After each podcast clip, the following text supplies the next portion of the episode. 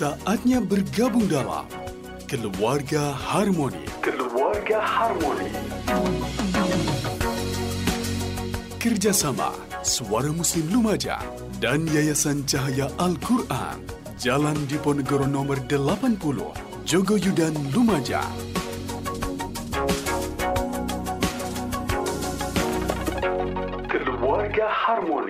Bismillahirrahmanirrahim. Assalamualaikum warahmatullahi wabarakatuh. 89,9 Suara Muslim Lumajang Mitra Muslim. Alhamdulillah Saya Kiki Rizkyani bisa menyapa Anda kembali Tentunya di program yang ditunggu-tunggu oleh Mitra Muslim Lumajang ya Di Keluarga Harmoni. Jadi kita di sini memang e, membahas persoalan keluarga Seperti itu yang bisa kita diskusikan bersama. Tentunya saya juga mengajak Anda untuk bergabung berdiskusi di 0811 3400 899. Nah, mitra muslim setiap orang ini kita bisa bilang pemimpin gitu ya bagi dirinya sendiri.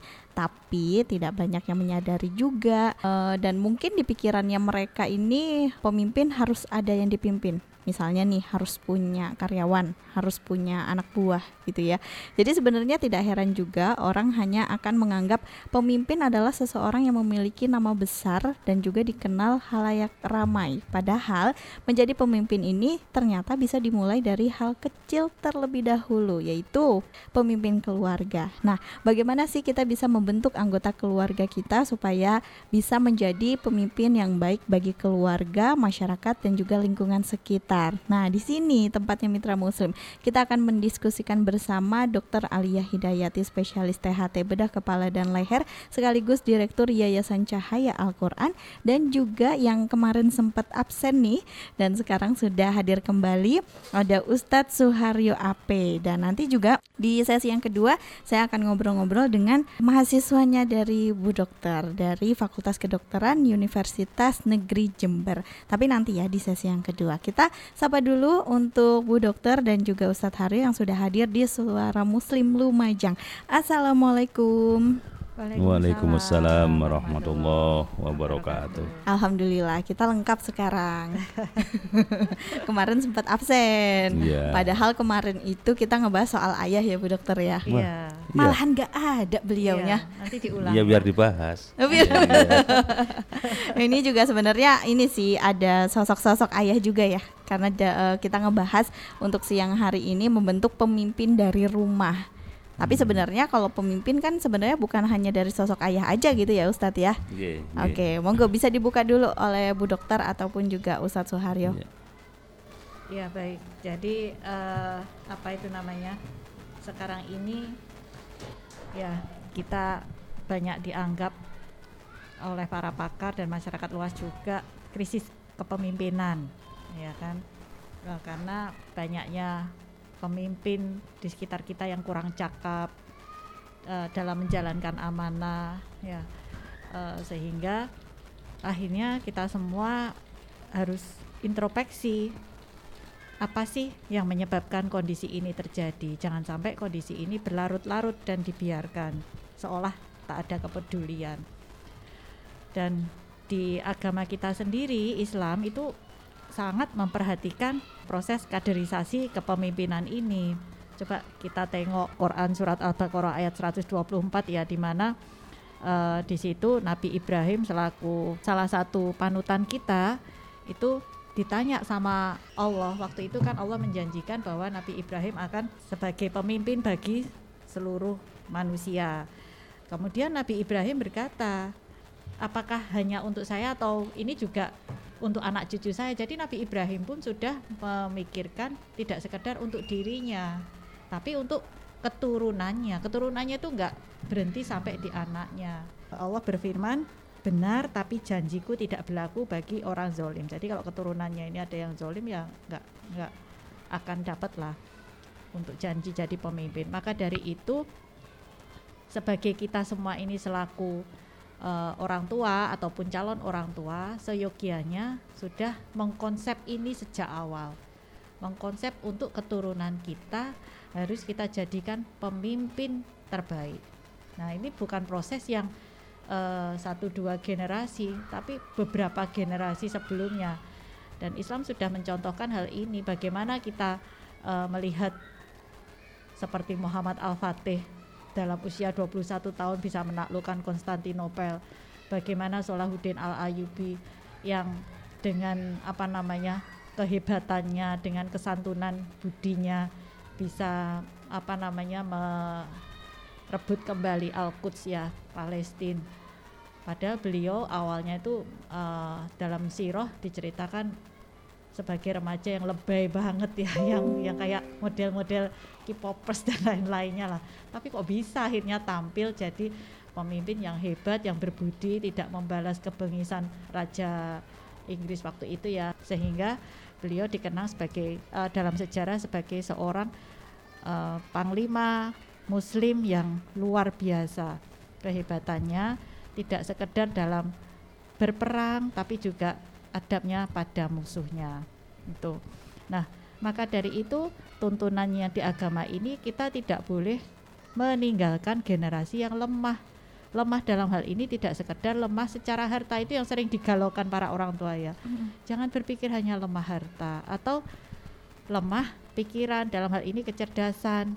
Nah, dalam uh, ini mungkin kaitannya nanti dengan pekerjaan aku meninggalkan anakku, keturunanku, kerjaannya belum beres, hartanya belum ada.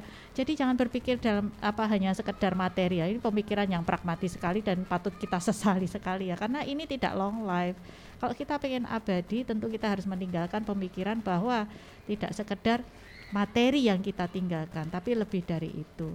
Karena kepemimpinan ini eh, seperti yang dicontohkan oleh Nabi kita Muhammad SAW itu akan abadi sepanjang masa. Mungkin untuk lebih detailnya akan dijelaskan Ustadz Haryo. Oke, baik. Silahkan Ustadz. Oke, yang jelas pemimpin itu ada dua kemungkinan ya, diciptakan atau dibiarkan terjadi dengan sendirinya. Ada yang memang mempersiapkan supaya menjadi pemimpin yang ideal. Ada pembekalan-pembekalan di internal rumah tangga, di tempat yang lebih luas, di ruang publik dan sebagainya kalau di internal rumah tangga kita hendaknya membekali anak-anak kita sebagai calon pemimpin itu dengan keteladanan yang hebat. Orang tua adalah idola bagi anak-anaknya sehingga apa yang dilakukan oleh orang tua pasti akan menjadi cermin buat anak-anaknya itu. Maka kalau kita merujuk kepada tarikh itu ada empat sifat yang harus kita tanamkan kepada anak kita itu. Pertama yang disebut dengan kejujuran. Ya Pemimpin itu harus menegakkan kejujuran. Begitu culas sekali saja maka mahkota kejujuran yang ada di kepalanya itu akan jatuh dan untuk memasang kembali susahnya bukan main. Apa pun alasan yang diberikan masyarakat tidak akan percaya karena pernah culas, pernah salah, pernah jatuh. Maka yang kedua sifat berikutnya adalah bisa dipercaya. Amanah yaitu bisa dipercaya, betapa mahalnya sifat ini yang harus ditanamkan kepada generasi kita calon pemimpin yang hebat itu. Karena ya pemimpin itu kan long term. Berjalan panglang apa waktu panjang ya tidak sesaat. Maka perlu ada persiapan mental yang matang antara lain biasa dipercaya dan bisa dipercaya. Yang ketiga itu mampu menyampaikan ide-ide kreatif kepada masyarakat secara bertanggung jawab atau holistik itu ada disebut dengan syidik uh, yang ke pertama. Yang kedua amanah tiga tablik tablik itu menyampaikan ide-ide kreatif secara bertanggung jawab holistik dan utuh kepada siapa pun. Maka pemimpin itu harus banyak ke, apa ide-ide segar tidak mainstream ya. Harus keluar dari out of the box hmm. pikiran-pikiran itu. Harus harus melompat lah. Maka kita lihat sekarang calon-calon pemimpin di negeri ini kan kelihatan siapa yang normatif, siapa yang pikiran-pikiran jernih, yang cerdas, yang agamis, yang luas, sudah kelihatan dari sekarang. Maka kita hendaknya menyiapkan calon pemimpin yang di rumah kita itu dengan sifat itu, mampu menjelaskan. Maka sejak anak kecil balita itu biasakan dia mendengar cerita-cerita dari orang tuanya. Anak itu kalau mau tidur diceritai sesuatu, dia akan menjadi orang yang pandai menyampaikan ide-ide kreatif. Nah, yang keempat itu yang terakhir, calon pemimpin harus memiliki sifat cerdas, patona, cerdas emosinya, cerdas religinya, cerdas sosialnya, cerdas e ekonomi, cerdas fisiknya dan lain-lain. Ada delapan kecerdasan yang biasa kita sering pelajari itu. Itu harus dibekalkan kepada calon pemimpin. Kalau itu yang terjadi semuanya insya Allah apa yang sampaikan Bu Dokter akan menjadi kenyataan. Ya. Itu termasuk eh, sosok eh, pemimpin idaman ya? Iya, ideal. Ideal Iya. seperti itu ya, harus memiliki empat sifat tadi ya. Iya. Oke. Nah, kira-kira kita sudah menemukankah Ya pasti lah, tapi kadarnya itu yang berbeda-beda perlu diintensifkan, perlu dipertebal lah kalau memang masih belum kebaca, ditambahi lagi, ditambah lagi secara terus-menerus di rumah kita. Maka tadi saya katakan orang tua adalah idola bagi anaknya secara utuh. An- orang tua biasa membentak, pasti anaknya pintar bentak. Orang tua santun, anaknya nggak usah diajari, pasti santun. Maka orang tua adalah apa istilahnya ya teladan ya teladan yang tidak ada duanya di mata anak orang lain itu tambahan-tambahan aja kalau orang tua sudah kehilangan keteladanan maka anak akan menjadi mencari teladan di luar jangan salahkan kalau misalnya di luar tuh kemudian lingkungannya keras biasa mesuh ya nuwun sewu ya biasa misalnya nya dikatakan pengong itu anaknya terus sering mengatakan pengong juga itu ya kan memang sudah kehilangan keteladanan di rumah Ya. Tapi kalau misalkan eh, bercanda, bercanda juga orang tua harus ada batasnya gitu Iya, ya, iya. Ustaz. Nah, Iya, canda yang baik. Dalam agama kan diajarkan bercanda itu jangan sampai berlebihan. Bercanda jangan sampai mengusik perasaan orang lain. Bercanda itu jangan kata-kata kasar. Semuanya serba santun, baik dan terukur gitu. Hmm, masya Allah. Oke, eh, nanti kita akan lanjutin lagi di sesi yang kedua. Kita akan ngobrol dengan mahasiswa dari Fakultas Kedokteran Universitas Negeri Jember. Nanti ya Mitra Muslim ya. Saya juga masih menunggu Anda untuk gabungan di sini 0811 3400 899.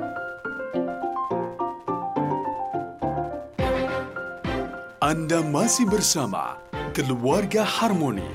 Kerjasama Suara Muslim Lumajang dengan Yayasan Cahaya Al-Quran Jalan Diponegoro nomor 80 Jogoyudan Lumajang.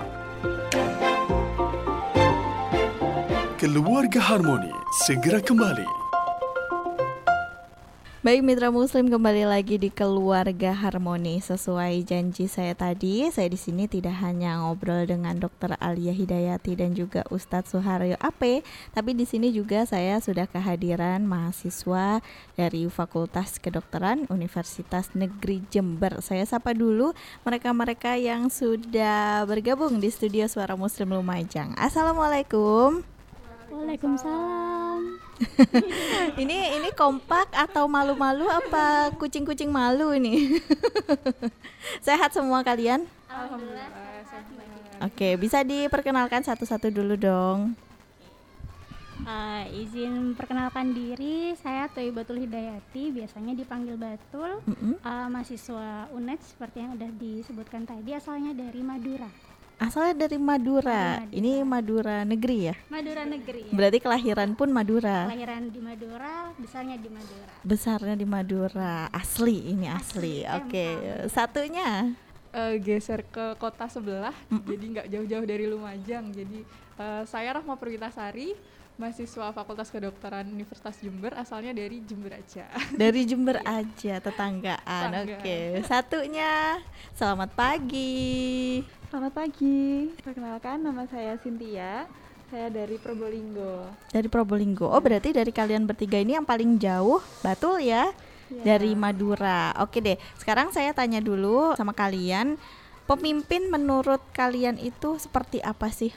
Oh iya, dari Rahma dulu nih. Jadi eh, menurut yang sumber-sumber yang Rahma sempat baca dari praktik dalam kehidupan sehari-hari, kesimpulannya adalah pemimpin itu eh, paling memberikan influence atau berdampak positif bagi orang-orang di sekitarnya. Jadi eh, tidak harus kita memiliki pegawai untuk jadi seorang pemimpin, tidak harus eh, memiliki banyak orang di sekitar kita untuk kita pimpin, bahkan eh, dari diri kita sendiri pun kita juga butuh eh, skill kepemimpinan gitu. Jadi eh, bagaimana seseorang itu bisa memberikan impact atau influence ke lingkungan sekitar itu menurut saya adalah poin dari seorang pemimpin itu sendiri. Oh, masya Allah. Jadi uh, bisa memberikan contoh yang baik juga Betul. gitu ya. Oke, kalau dari Batul? Oke, kalau dari saya sendiri, jadi betul sih seperti yang tadi Rahma jelasin uh, bahwa pemimpin tuh seharusnya punya pengaruh ke orang sekitarnya, tapi juga yang tidak kalah penting dari memberikan pengaruh adalah bagaimana dia uh, mengatur apa yang sedang dia pimpin begitu. Jadi uh, seorang pemimpin itu memang bukan hanya uh, orang yang memimpin orang lain, tetapi bagaimana dia memimpin dirinya sendiri karena memang sejatinya pemimpin itu dimulai dari hal yang paling kecil adalah sebagai pemimpin bagi dirinya sendiri seperti itu. Jadi bagaimana dia menghimpun dirinya sendiri, mengatur dirinya untuk uh, bisa beraktivitas sesuai dengan apa kapasitasnya. Kemudian baru nanti dia bisa menghimpun orang-orang di sekitarnya dalam skala yang kecil mungkin keluarga. Baru kemudian nanti seorang pemimpin bagi orang lain itu ketika dia memiliki kapasitas dan keleluasa, keleluasaan yang lebih besar di tingkat yang lebih besar misalnya pemimpin-pemimpin di tingkat kota seperti itu jadi selain bagaimana dia memberi dampak tapi juga bagaimana dia menghimpun apa yang sedang dia pimpin seperti itu mbak Hmm, Masya Allah. Jadi harus dari dirinya sendiri dulu, baru dia bisa memimpin orang lain. Oke, kalau dari Cynthia ini, Oke, kalau dari saya se- setuju juga dengan pendapat dari teman-teman. Jadi eh, bahkan poin kepemimpinan yang paling penting menurut saya adalah ketika seseorang itu bisa memimpin dirinya sendiri dulu. Karena sebelum kita bisa memimpin orang lain, kita harus pastikan kalau diri kita sendiri juga itu sudah terpimpin oleh kita dengan baik gitu. Karena eh, ke mana arah hidup kita nantinya itu kan sebagian besar pasti keputusan itu kita sendiri yang ambil walaupun mungkin dalam proses pengambilan keputusannya itu akan ada pertimbangan-pertimbangan dari berbagai pihak seperti misalkan dari orang tua, dari teman-teman, dari keluarga. Mungkin kita bisa melihat apa yang sudah mereka lalui dan oh kayak gini ternyata. Tapi pada akhirnya keputusan kita mau jadi seperti apa itu nanti kan tentunya kita sendiri yang eh, memutuskan dan kita harus bertanggung jawab dengan keputusan yang kita ambil. Kalau kita memimpin hidup diri kita sendiri aja belum benar, Nah, tentunya kita juga nggak bisa untuk memimpin hidup orang lain. Hmm, Mungkin Masya gitu. Allah, jawabannya super semua loh. Ini beneran mahasiswanya Bu Dokter ini ya. jawabannya super. Nah, kalau misalkan kita pengen tahu juga sosok pemimpin di keluarga kalian itu kalian melihat dari sosok siapa? Dari keluarga kalian. Mungkin dari sosok eh, kakek karena mungkin kakek dulunya seorang pejuang mungkin atau dari sosok ayah atau dari sosok ibu mungkin silahkan. Jadi kalau di rumah saya, di eh, di rumah orang tua saya, eh, anggota keluarganya kebetulan memang hanya orang tua, kedua orang tua saya, ya ibu dan kami bersaudara bertiga. Jadi untuk sosok pemimpin yang paling dominan mungkin ya di sini eh, di rumah itu adalah ayah. Hmm. Jadi untuk eh, bagaimana beliau memimpin keluarga, bagaimana beliau memimpin ibu saya sebagai istrinya itu adalah eh, sosok-sosok kepemimpinan yang kami teladani.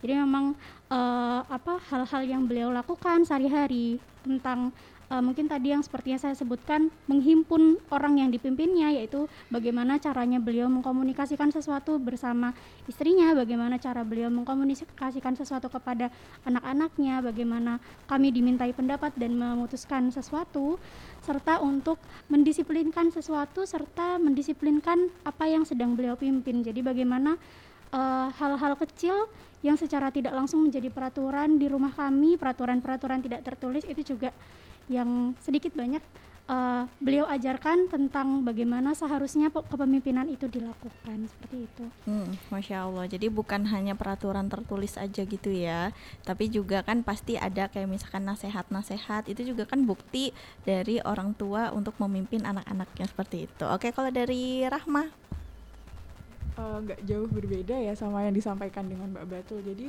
eh, seperti yang saya sampaikan tadi di awal bahwa erat kaitannya dengan influencing atau mempengaruhi. Jadi eh, kalau di rumah saya sendiri karena eh, tinggal dengan orang tua dan kedua adik saya, jadi eh, peran orang tua itu juga amat sangat penting. Jadi dalam pengambilan keputusan itu semua tuh terlibat. Jadi semua orang yang ada dalam rumah itu memiliki eh, kesempatan untuk eh, mengambil keputusan seperti itu. Jadi tidak hanya dari ayah, tidak hanya dari ibu, bahkan dari kedua adik pun juga eh, diberi kesempatan untuk eh, menyampaikan aspirasinya seperti itu. Eh, sebagai contoh, dalam mengambil keputusan mau berlibur ke mana nih seperti Hmm. itu kan uh, ada poin-poin uh, kepemimpinan di situ jadi uh, berani untuk menyampaikan uh, pendapat berani untuk mengambil keputusan di situ kan uh, jadi dari orang tua pun mendidiknya juga seperti itu. Jadi uh, sama seperti materi tahun uh, yang kemarin jadi peran ayah dan peran eh, dalam keluarga itu di Al-Quran sendiri juga uh, komunikasi antara ayah dengan anak itu disebutkan dalam 14 sel- sebanyak 14 kali. Antara ibu dengan anak sebanyak dua kali. Artinya di sini di Al-Quran sendiri itu juga menyampaikan bahwa untuk membentuk sosok seorang uh, pemimpin atau anak yang memiliki jiwa kepemimpinan memiliki jiwa yang uh, masya Allah yang baik seperti itu butuh peran keduanya yang seimbang seperti itu. Jadi dalam kesimpulannya uh, di keluarga saya sendiri itu juga uh, keduanya amat sangat berperan penting gitu. Jadi baik dari ayah maupun ibu seperti itu Hmm, jadi masing-masing memiliki tugas dan peran masing-masing itu Betul, ya. iya. Jadi eh, mungkin ayah tugasnya seperti ini, ibu seperti ini gitu ya. Tapi eh, yang saya suka dari keluarganya Rahma karena dia eh, berdiskusi, betul musyawarah. Jadi kalau misalkan eh, mau sesuatu kayak tadi liburan, semuanya diajak diskusi juga. Bahkan sama adik-adiknya juga gitu ya betul diajak untuk apa namanya mengeluarkan, Mengeluarkan pendapat, pendapat. seperti itu. Oke, kalau dari Cynthia, Kalau dari keluarga saya, eh, latar belakang keluarga saya adalah saya anak tunggal, jadi otomatis eh, saya nggak bisa eh, membandingkan dengan bagaimana kalau punya saudara atau apakah saudara itu bisa juga menjadi sosok pemimpin atau tidak seperti itu. Tapi kalau dari eh, keluarga saya sendiri, eh, yang paling dominan dalam kepemimpinan di keluarga saya adalah dari papa. oh dari papa. Ya dari papa. Mm-mm. Eh, memang kalau dari mama juga berperan, tapi mama itu biasanya sebagai peran pendukung. Jadi untuk pengambilan keputusan itu, eh, mama itu banyak memberikan pertimbangan, Mm-mm. banyak memberikan pandangan dari sudut pandang lain kayak gini kayak gininya gitu. Tapi biasanya untuk yang memutuskan, maksudnya yang memberikan pengumuman atau keputusan itu itu papa. Jadi kayak oke kita ke sini, Hmm. oke kita mau kayak gini itu yang mengutarakan tuh papa tapi dalam proses pengambilan keputusannya itu eh, perannya mama juga sangat besar dari situ. Karena kan kalau perempuan itu mungkin lebih banyak yang dipertimbangkan gitu kan Iya biasanya. benar. dari pertimbangan dari segi ini segi ini. Yang yang itu mungkin nggak kepikiran sama eh, dari dari pihak cowok Mm-mm. gitu. Kalau bisa cowok kan lebih praktis ya udah maunya kayak gini gitu. Tapi mungkin cewek ada pertimbangan tapi nanti kayak gininya gimana? Kalau kayak gininya gimana? gitu. Nah hal-hal itulah yang membuat oh iya jadi mikir gini akhirnya keputusan itu bisa berubah. Tapi ya tuh untuk eh, yang memutuskan keputusan itu tetap dari papa kalau di keluarga saya Oke, berarti kalian sangat eh, mengidolakan sosok kedua orang tua kalian sendiri gitu ya. Jadi kalian nggak jauh-jauh untuk mencari eh, peran atau idola di luar sana. Seperti tadi yang sudah disampaikan Ustadz Suharyo juga. Oke, nanti kita lanjut lagi. Di sini juga ada yang sudah eh, mengirimkan voice note. Nanti kita akan dengarkan. Oke, mitra Muslim, tetaplah di keluarga harmoni.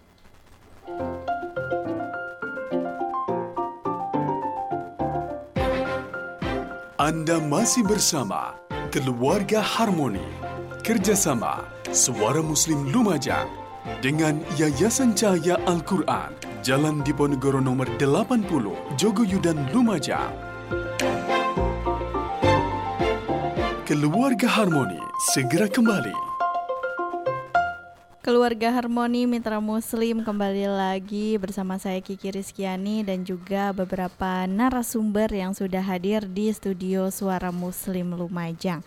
Ada Dr. Alia Hidayati, ada Ustadz Suharyo Ape yang bisa eh, Anda berikan pertanyaan kepada beliau ya, seperti yang sudah masuk di WhatsApp 08 11 3400 899 saya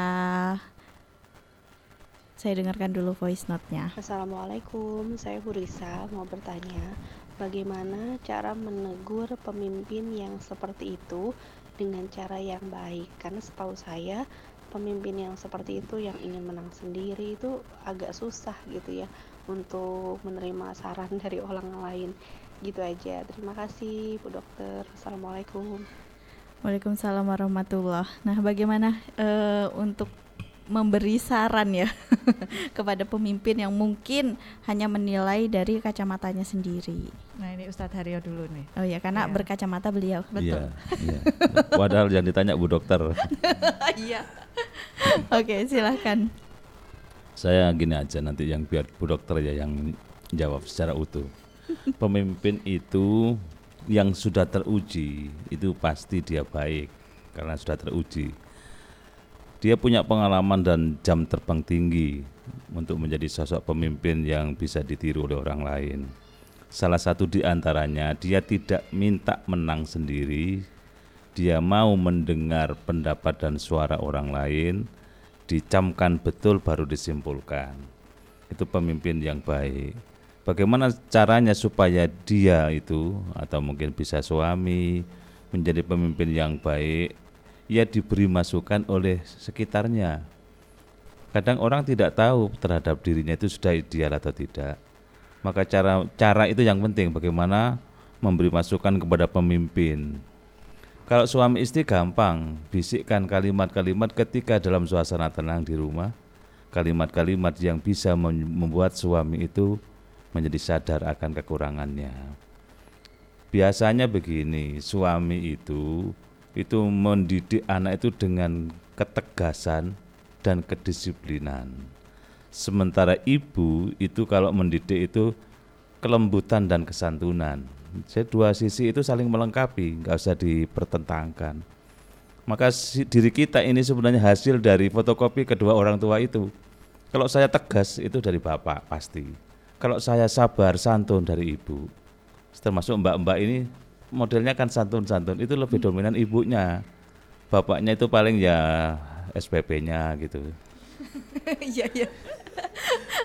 ya kan tidak jauh-jauh dari situ sehingga kepemimpinan itu harus saling di bagi kita yang menerima kepemimpinannya menghargainya terlepas dari kekurangan dan kelebihannya itu memang ciri khas tapi kalau kita kemudian melihat kok bapak ini atau pemimpin ini selalu minta benar sendiri itu persoalan mungkin orang yang bersangkutan tidak bisa melakukan introspeksi diri tidak bisa melakukan muhasabah, maka cari orang yang bisa menasehati. Siapa yang punya pengaruh kepada dia? Cari orang yang paling berpengaruh apa soulmate-nya atau mungkin guru spiritualnya, suruh menasehati kekurangan dirinya itu. Lambat laun pasti bisa berubah.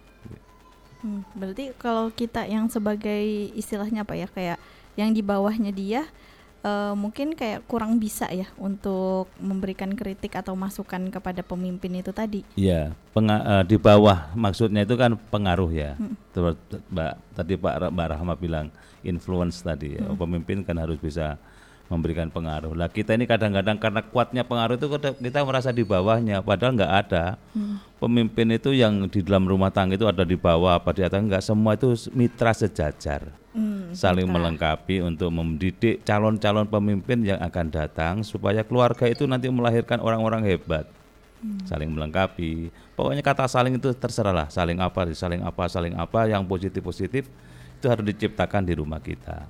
Oke. Masukannya dari Bu Dokter yang tadi emang sebenarnya Bu Risa tanyanya langsung ke Bu Dokter Iya, ya. Iya baik Bu Risa ya.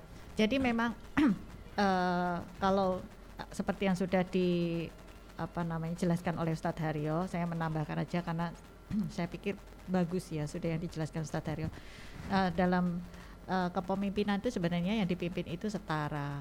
Nah tergantung yang dipimpin ini untuk memberikan masukan mungkin harus sering berkomunikasi entah berkomunikasi secara direct atau indirect ya. Karena tak kenal maka tak sayang ya karena kalau jarang komunikasi masukan dari siapa pun yang tidak terlalu dikenal itu akan dianggap menyerang untuk pemimpin yang model seperti ditanyakan oleh Bu Rahma ini. Padahal kadang kita ini eh, mengkritik karena peduli karena sayang karena tidak ingin terjadi hal-hal yang tambah menyimpang. Itu yang harus disadari juga oleh seorang pemimpin. Tidak selalu kritik ini eh, ingin menghancurkan atau ingin menyerang atau mencari titik lemah. Tidak selalu begitu. Kalau kita sadari bahwa kita ini semua ini ada manusia yang penuh kekurangan penuh kelemahan karena ada yang kritik itu berarti orang itu peduli. Berarti kita ini kan dipikirin gitu loh maksudnya. Hmm. karena dipikirin berarti uh, dia kan sayang ya peduli ya sehingga menemukan titik lemah kita kemudian disampaikan harusnya tanggapi dengan baik. Maka uh, caranya mungkin itu sering melakukan komunikasi dengan cara-cara yang baik. Cari momen yang tepat cari cara yang tepat. Mungkin tidak harus selalu dengan uh, apa namanya bahasa langsung mungkin dengan tulisan ya. Uh, mungkin dengan apa voice note atau supaya bisa dilihat nanti-nanti atau bagaimana. Intinya kita berkewajiban menyampaikan adapun selanjutnya kita doakan sudah. Karena uh, pelembut hati bukan urusan kita gitu loh. Yang penting kita menyampaikan. Walaupun itu mungkin sulit walaupun itu kelihatannya tidak mungkin ya mungkin kita bisa bersuara di sosmed atau yang lain. Kalau itu pemimpin yang jaraknya secara fisik cukup jauh dari kita. Tapi kalau dalam satu rumah bisa sering-sering dilakukan komunikasi dengan diskusi. Sehingga saling memahami pola pikirnya seperti apa sih gitu loh A sampai Z-nya bagaimana sih? Sehingga kita semakin kenal gaya-gaya pemikirannya kita bisa memahami apa latar belakang uh, apa keputusan yang dihasilkan itu. Apakah ini keputusan yang emosional atau memang karakter uh, pemimpin tersebut seperti itu? Mungkin hmm. itu tambahannya. Karena bagaimanapun pemimpin ini uh, menurut saya pribadi tidak bisa dilahirkan pemimpin ini diciptakan dibentuk dari hasil parenting yang sekian lama berabad-abad sebelumnya bergenerasi-generasi sebelumnya kita ini hasil dari hasil karya dari kakek nenek moyang kita dahulu nggak sekedar dari hasil ayah bunda kita sekarang. Oke, okay. masya Allah. Jadi kita harus lebih mengenal sosok pemimpin kita sendiri gitu ya, Bu Dokter ya, supaya lebih memahami lagi iya, nantinya. Betul. Sehingga tidak apa namanya ada suuzon ya, tidak, tidak berprasangka buruk. Karena uh, kalau seuzon visi misi tentu tidak akan tercapai. Dan kita tidak pernah sefrekuensi dengan organisasi atau dengan pemimpin tersebut. Gitu loh. Sehingga kan kita isinya kan buruk sangka pemimpin kita juga mungkin pikirannya sama juga gitu loh kapan ketemunya. Makanya mari kita saling menekuk diri ya saling melembutkan hati supaya yang di atas bisa nyampe ke tengah paling enggak kita yang di bawah juga bisa nyampe ke tengah sehingga ketemu gitu. Kalau saling menghindar nggak pernah papasan ya. Nggak pernah tahu satu sama lain akhirnya jadi nggak pernah kenalan gitu ya. Iya. Oke kalau tadi kan uh, sosok ayah nih yang mendominasi dari uh, tiga mahasiswanya Bu Dokter. Apakah memang sosok pemimpin itu lebih didominasi oleh ayah? Tanyanya ke ayah ke ayah dan bunda bunda Alia kalau saya memposisikan diri di rumah itu bukan orang teratas, hmm. tapi orang yang ada di samping kiri kanan. Okay. Ya, anak saya juga saya ajak dialog. Saya kadang-kadang kewalahan saya terhadap pikiran-pikirannya itu, tapi saya paham, sadar bahwa saya bukan orang sempurna. Hmm. Anak saya saya sekolahkan, saya kuliahkan itu supaya punya pikiran-pikiran maju ya sehingga kalau sekarang dirasa pikirannya kok melebihi bapaknya ya hmm. saya ngalah saja sudah. Oh, masya Allah. Hmm terhadap istri juga begitu istri itu adalah partnership yang luar biasa hmm.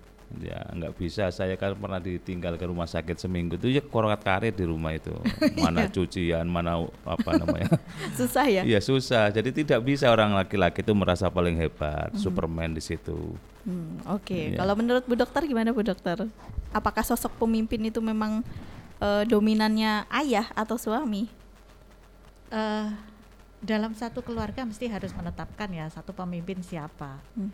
Nah, tapi pemimpin ini bisa berganti peran sesuai masalah yang dihadapin. Hmm.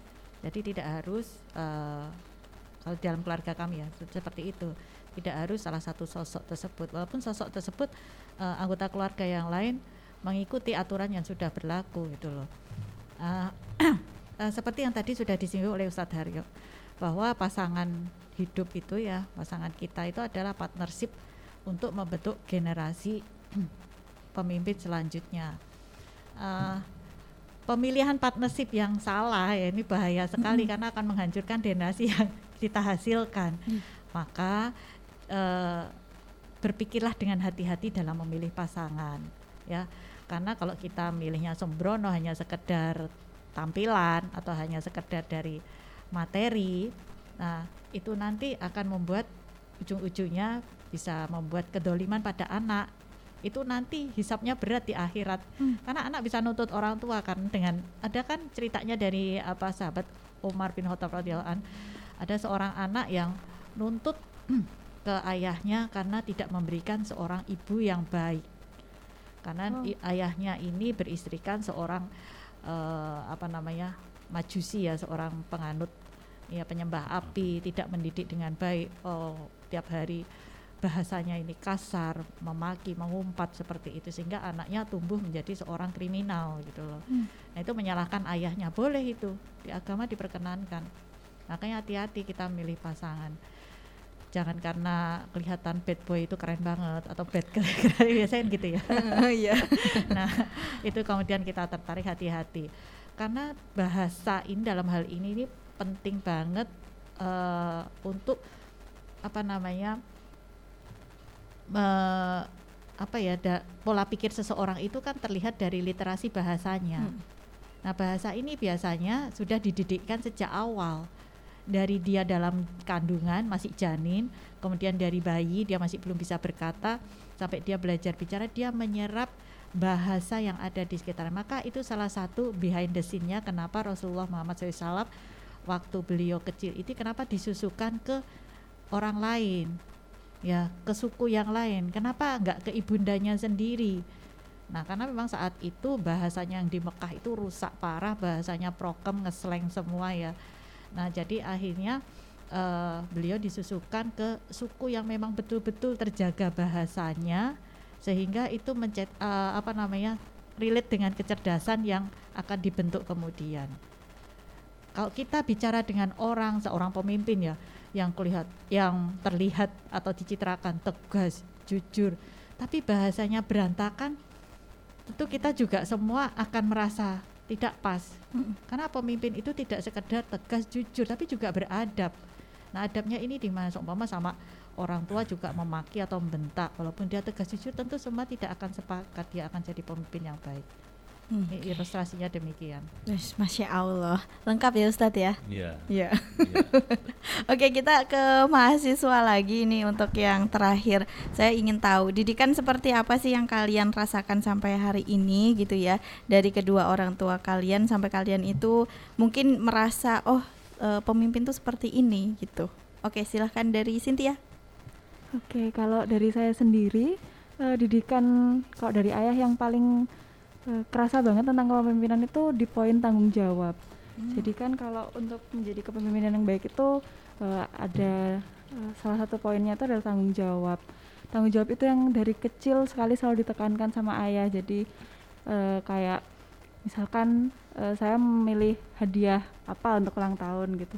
Terus uh, ya sudah harus konsekuen, harus hadiah itu nggak boleh cuman hari ini dipakai terus besok udah nggak mau dipakai lagi nggak hmm. mainan hmm. gitu biasa kan anak kecil kan ih suka di toko ada iya, boneka iya, bagus semuanya pengen ah semuanya hmm. pengen hmm. tapi hari ini dibeli besok pergi ke toko yang lain beli lagi nah kayak gitu tuh berarti uh, apa ya hal kayak gitu dari kecil tuh sudah nggak dibolehin akhirnya hmm. waktu sudah semakin bertambah dewasa masuk kayak milih sekolah pemilihan jurusan pemilihan apa pun selalu papa itu selalu memastikan kalau harus dipikir dulu betul-betul suka atau enggak ke depannya itu kayak gimana tantangan yang akan dihadapi masih mau atau enggak. Kalau memang kamu masih mau ya enggak apa-apa gitu. Jadi dari kecil itu yang paling ditekankan itu adalah ditanggung jawabnya. Tanggung jawab ya tanggung jawab atas uh, pilihan kamu sendiri ya. seperti itu ya. Oke okay. selanjutnya mungkin dari Rahma.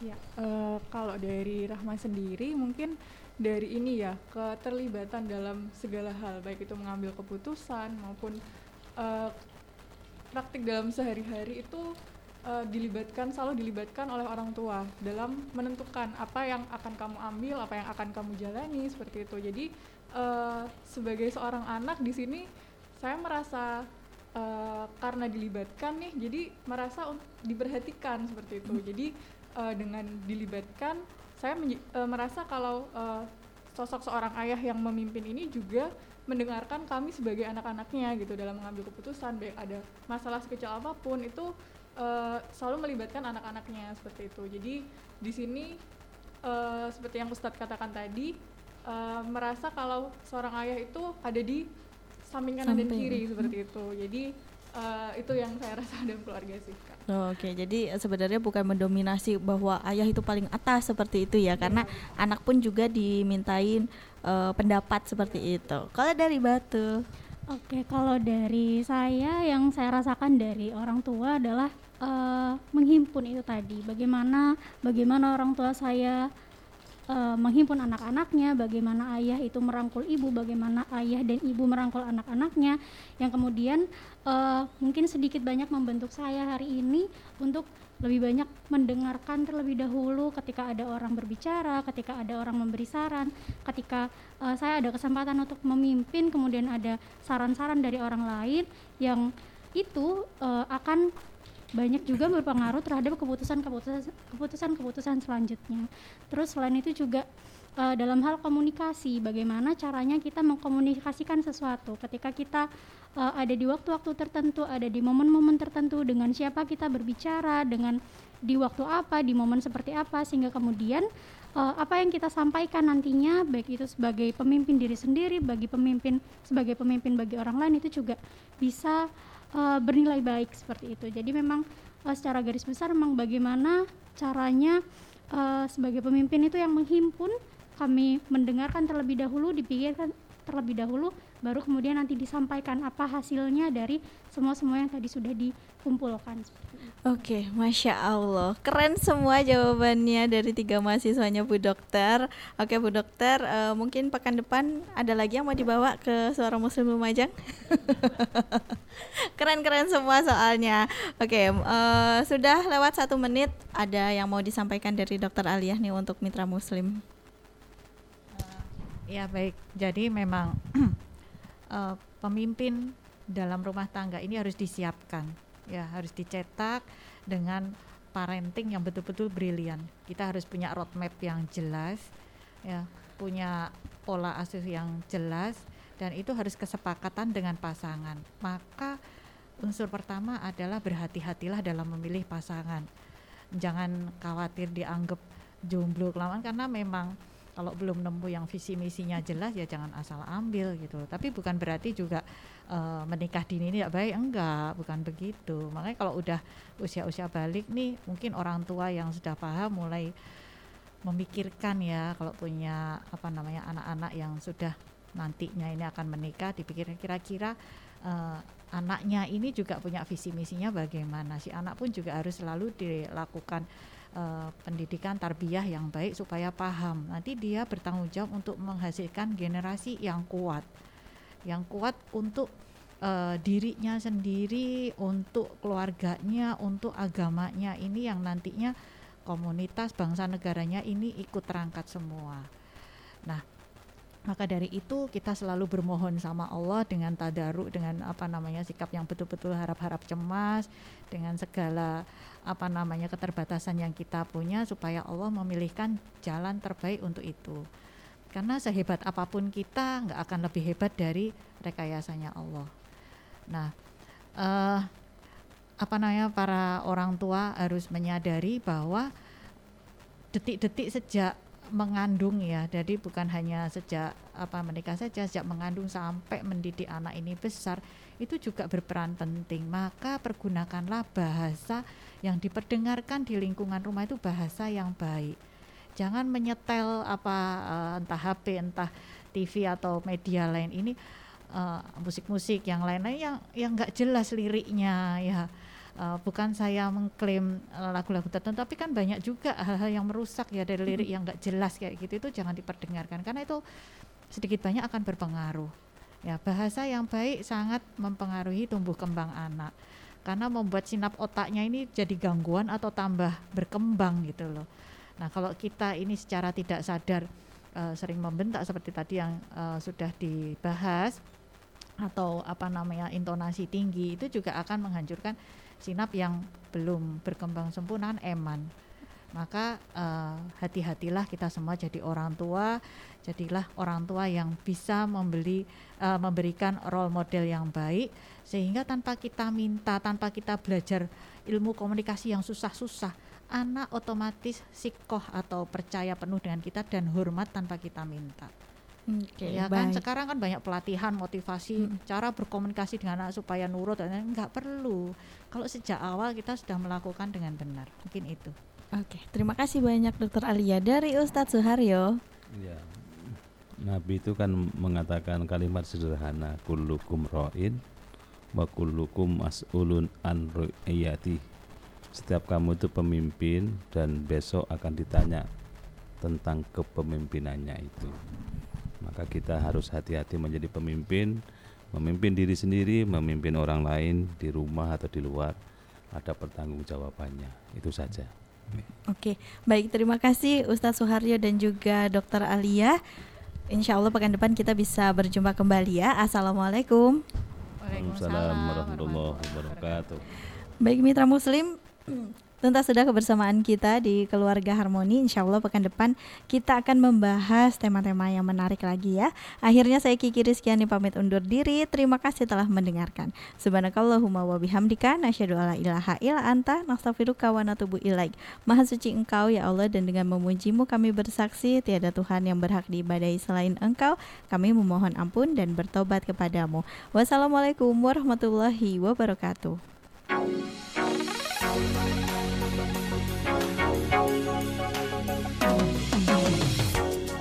Anda telah bersama Keluarga Harmoni. Keluarga Harmoni. Kerjasama Suara Muslim Lumajang bersama Yayasan Cahaya Al-Quran. Jalan Diponegoro nomor 80 Jogoyudan Lumajang. Terima kasih Anda telah mendengarkan. Sampai jumpa pekan mendatang.